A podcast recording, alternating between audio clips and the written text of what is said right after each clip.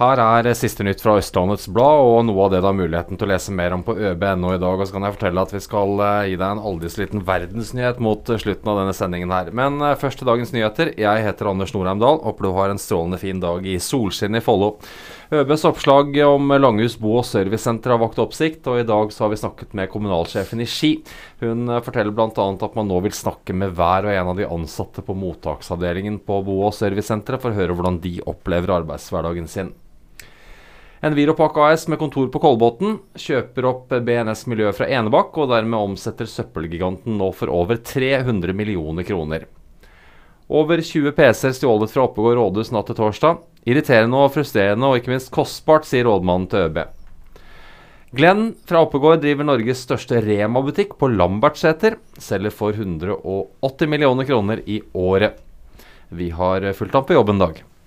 Feide gjennom Nøstvedtunnelen i 170 km i timen. Sånt blir oppgjør med lovens lange arm av. 18-åring skyldte på ungdommelig overmot.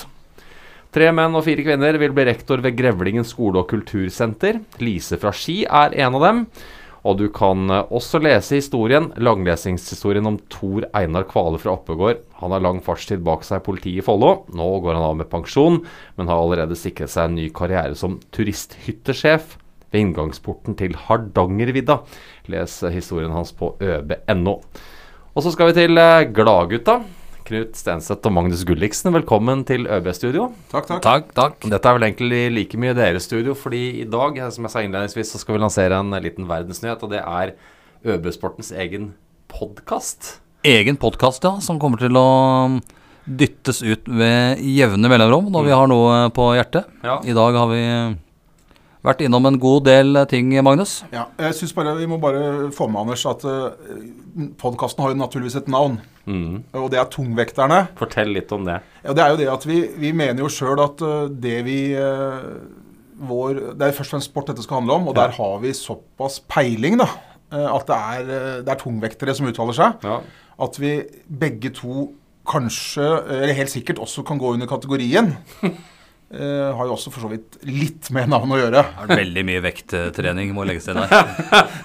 Men, men vi, vi skal jo da lage en eh, Vi har lagd og vi publiserer vel i løpet av dagen i dag, eh, Ja. den, eh, den første podkasten hvor vi snakker først og fremst om lokal uh, idrett.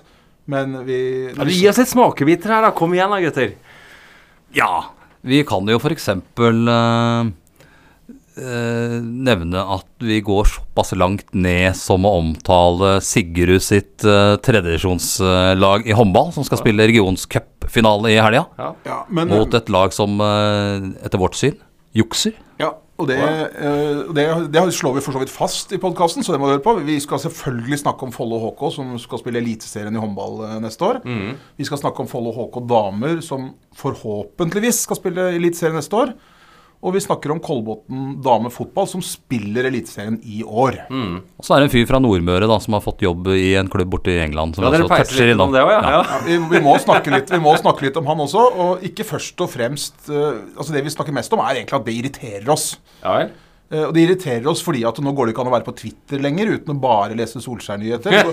Det går ikke an å være på nettaviser uten å lese om at man har gitt bort en sjokolade til dama i resepsjonen på Old Trafford. Ja. Altså Så må vi ha slutt på. Nå må mannen få arbeidsro.